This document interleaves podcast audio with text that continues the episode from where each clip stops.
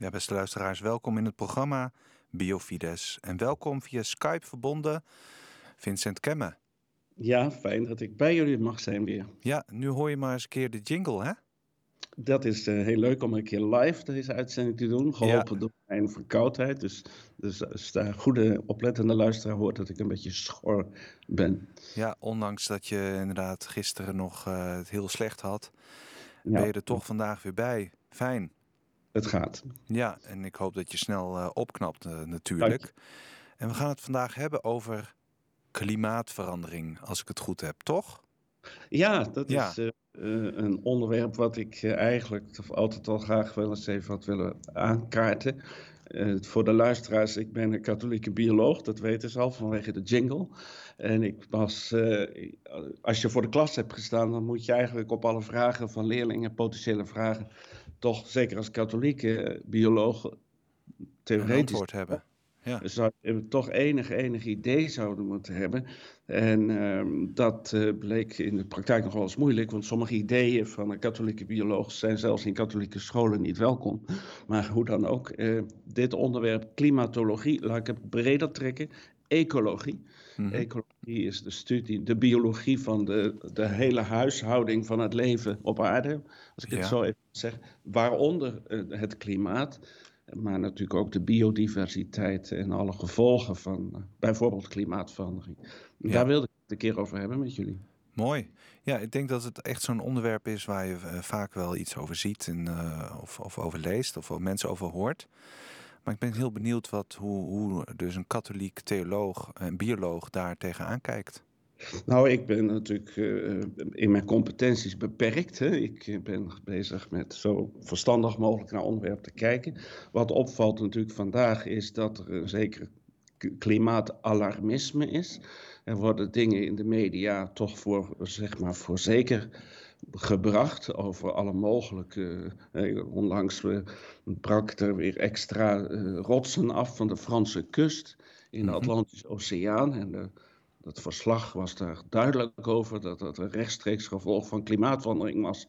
Nou, ik ben de laatste om dat te ontkennen, maar het gemak waarmee conclusies worden getrokken bevalt me soms ook niet. Ik heb zelf tijdens mijn studie biologie enige tijd, enige aandacht ook aan ecologie uh, uh, besteed. Ja. En ecologie is extreem complex. Als je ziet hoe groot onze aarde is, hoe groot die klimaatsystemen zijn, de invloed van de oceanen, van de tropische regenwouden. Ga dat nu maar eens kwantificeren en voorspellende uitspraken over doen en, en ook uh, gemakkelijk. Dus dat, dat is, vind ik, uh, soms wordt dat te simpel voorgesteld. Mm -hmm. En nu ben ik op een artikel gestuurd dat ik, waarvan ik je de samenvatting had gestuurd. Ja. Eh, er zijn fundamenteel, wat mij betreft, twee vragen. Is de A, is er sprake van een significante verandering van het klimaat? Een significant is een wetenschappelijk woord om te zeggen: is het toevallig een fluctuatie of is er echt iets aan het veranderen? Ja. Dat is vraag één. En de tweede is: is de mens daarvoor verantwoordelijk te houden? Mm -hmm. Ja. En uh, de eerste uh, vraag lijkt uh, wel, zo, dat uh, mogen we denk ik wel aannemen dat het zo is.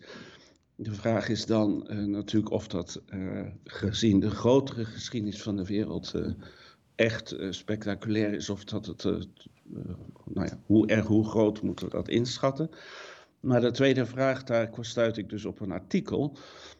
Ik had er altijd zelf al moeite mee. Kijk, het is niet wetenschappelijk bewezen dat het door de mens veroorzaakt wordt. Ook al willen de media dat uh, wel ons zo presenteren. En dus krijg je ook die beweging naar de politiek en naar allerlei maatregelen. Ja.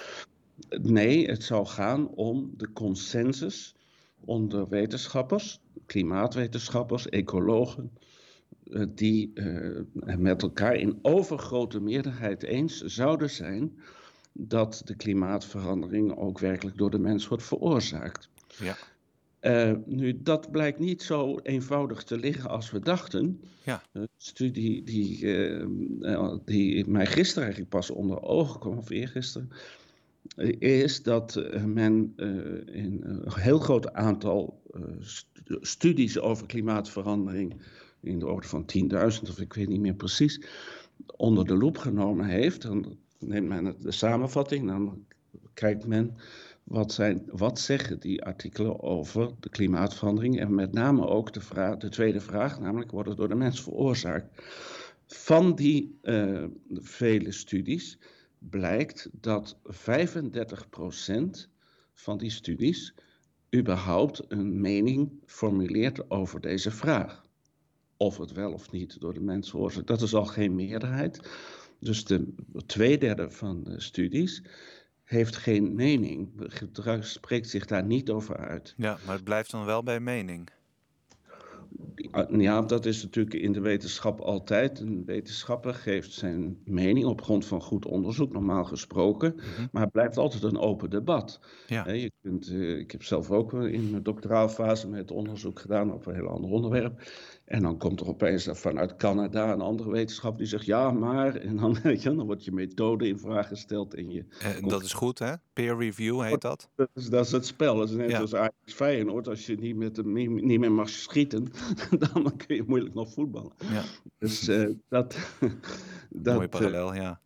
Uh, dus dat betekent dat, uh, dat de, in de wetenschap is het debat altijd open. Maar je kunt op een gegeven moment wel zeggen, nou goed, dit, hier zijn we wel met z'n allemaal over eens. Nu, die tweederde meerderheid, die tweederde van die studies heeft geen mening over de kwestie. Uh -huh. En van die een derde is, uh, als ik het goed heb, 97 procent pro de conclusie dat de mens daarvoor verantwoordelijk is. Ja. En een 3% eh, of zo die zegt dat het, uh, de mens daar niet voor verantwoordelijk is. Met, ja. heeft daar een mening over. Het is, Je zou uh, kunnen zeggen van de mensen die er een mening over hebben, over de wetenschappers, goed, om goed te zeggen. Ja. Daarvan zegt de meerderheid van ja, de mens is verantwoordelijk voor de klimaatverandering ja. die we zien. Maar op de totale hoeveelheid studies die erover gedaan worden, is het slechts 97% van 35%. Ja, ja, ja exact. En dat komt ja. natuurlijk op een heel lager, veel lager getal uit. Wat ik eigenlijk altijd eh, al intuïtief min of meer aangevoeld heb. Maar ik heb nooit de tijd om altijd om helemaal in één onderwerp helemaal vast te bijten. Mm -hmm. helemaal uit Maar dan hebben we het in ieder geval wel over het type wetenschappers die zich zeg maar met dit onderwerp bezighouden. Want wetenschap is natuurlijk heel groot. Ja. Allerlei uh, takken van wetenschap. Oké, okay, we hebben klimatologen, ecologen, biologen. Ja, maar binnen de, die, dus echt klimaatwetenschappers. Ja, klimaatwetenschappers, exact. Ja. Geen neurologen of... Nee, nee, nee, nee, even voor de duidelijkheid. wetenschap is natuurlijk heel groot. Uh, geen werktuigbouwkundige ja, of... Uh, ja, specialist. Ja, specialist op dit gebied. Het is, het is dus gewoon niet te handhaven dat er een massale meerderheid zou zijn van de wetenschap, de klimaatwetenschappers die op het standpunt zouden staan van uh, dat de klimaatverandering door de mens veroorzaakt is. Nu, dat is voor, voor, uh, voor mij toch wel alarmerend, want dat betekent dat er toch een vorm van informatieverspreiding is die aantoonbaar uh, ja, questionable, zeggen de Engelsen, ja. hè, gesteld kan worden. De, heel grappig was dat, uh, als we daar tijd voor hebben, is dat die, uh, de vraag werd gesteld aan ChatGPT, of hoe heet dat, die nieuwe chatbox. Die, ja, GTP, ja. Ja, inderdaad. Die uh, in, in, artificial intelligence ja, chatbot. Ja. ja. En die moest zichzelf, dus die, die kunstmatige intelligentie, moest zichzelf verbeteren op dit punt. Van ja, sorry, we hebben u verkeerd geïnformeerd. Het was een onderzoeksjournalist die dit uitgetest heeft op deze vraag, dit vraagstuk op dat open artificieel intelligentie platform. Ja. En dat uh, die inderdaad eerst beweerde ook 97% van de wetenschappers vindt dat het door de mens beïnvloed is. Ja, en als ja. we dan doorvroegen, dan bleek dat dat 97% van 35% was. Ja, en dan okay. artificiële intelligentie, dat zit bij Microsoft, heb ik ja. begrepen bood zijn excuses aan. Oh, goh. Ja, dat is interessant oefening, ja. Maar wij, dus... waar ik dan eh, wel benieuwd naar zou zijn, is dat die uh, 97% van die 35% wetenschappers, specialisten op het gebied van klimaatverandering, uh, in hoeverre daarbij zeg maar nog sprake is van vooringenomen of bias, vooringenomenheid. Uh, ja. Of dat het, die mening daadwerkelijk, zeg maar, ook echt gefundeerd is in, de, in onderzoek. Ja, dan zou je natuurlijk een, een, steekproef bijvoorbeeld van die groep, die onderzoeken. Het gaat nogmaals om duizenden onderzoeken die onderzochten. Uh, dan zou al die onderzoeken moeten doorlichten en heel kritisch Nee, allemaal is dan, dus dat begrijp ik juist even. Want ik begrijp wel van als je nu, als je nu concludeert van er is sprake van klimaatverandering. En je ziet zeg maar een, een, een samenleving of samenlevingen waar buitengewoon veel bijvoorbeeld conventionele energiebronnen worden aangesproken, dus aardolie. Hè? En die hebben een uitstoot van CO2. En dat, dan, dan ga je wel denken van, goh, heeft dat iets met elkaar te maken? Maar natuurlijk, en ik ben ook dus niet bezig te vertellen dat er, uh, het niet door de mens veroorzaakt zou zijn. Mhm. of dat geen, want dan kom je ook bij de morele kant van de zaak en wat bijvoorbeeld ook de kerk daarover te melden heeft. Hè. Dus de, als het zo is dat er een significante klimaatverandering plaatsvindt op dit moment als gevolg van menselijke activiteiten, dat bijvoorbeeld te correleren is aan consumptiegedrag, overmatig uh, hè, gebruik van uh, natuurlijke hulpbronnen, dan ben ik natuurlijk met de pauze de eerste om te zeggen, dan, dit kan niet. Ja. Komt bij, en dat vond ik het interessante van de benadering van Paus Franciscus in Laudato Si, we weten, als dat denk ik allemaal, dat, Lauda, dat deze paus bijzonder, dit punt bijzonder hoog op de agenda heeft staan. Ja. Uh, maar hij trekt het ook door, en dat is voor mij als bioloog een belangrijke correctie in mijn houding, naar de sociale consequenties. Want het hmm. zijn natuurlijk weer niet de rijke landen. Uh, Nederland zal zijn dijken wel uh, op orde houden, schat ik zo in. Ja. Maar de vraag zijn, er zijn natuurlijk landen die ietsje minder economisch gunstig ervoor staan zachtjes uitgedrukt. En die dus een, een groter probleem hebben. Dus dat dat een sociaal ja.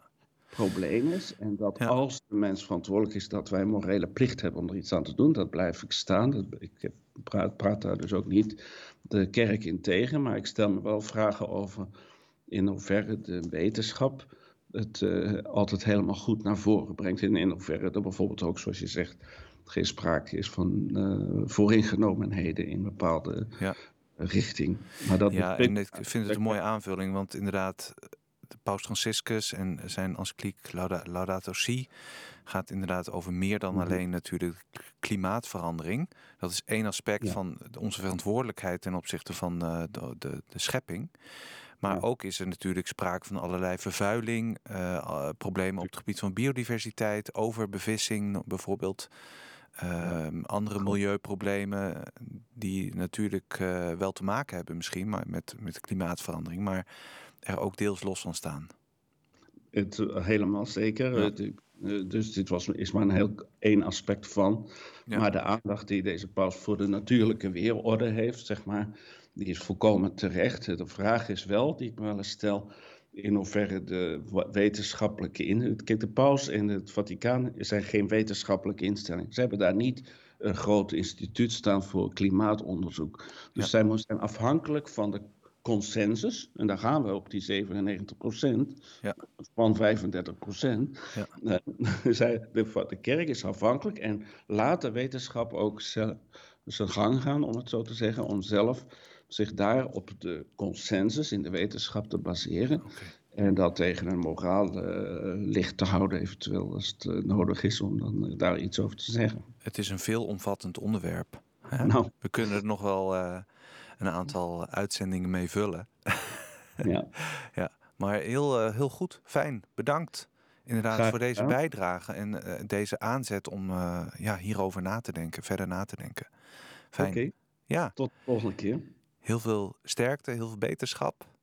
Dankjewel. En graag tot over twee weken weer. Dankjewel. Fijne dag. Dag.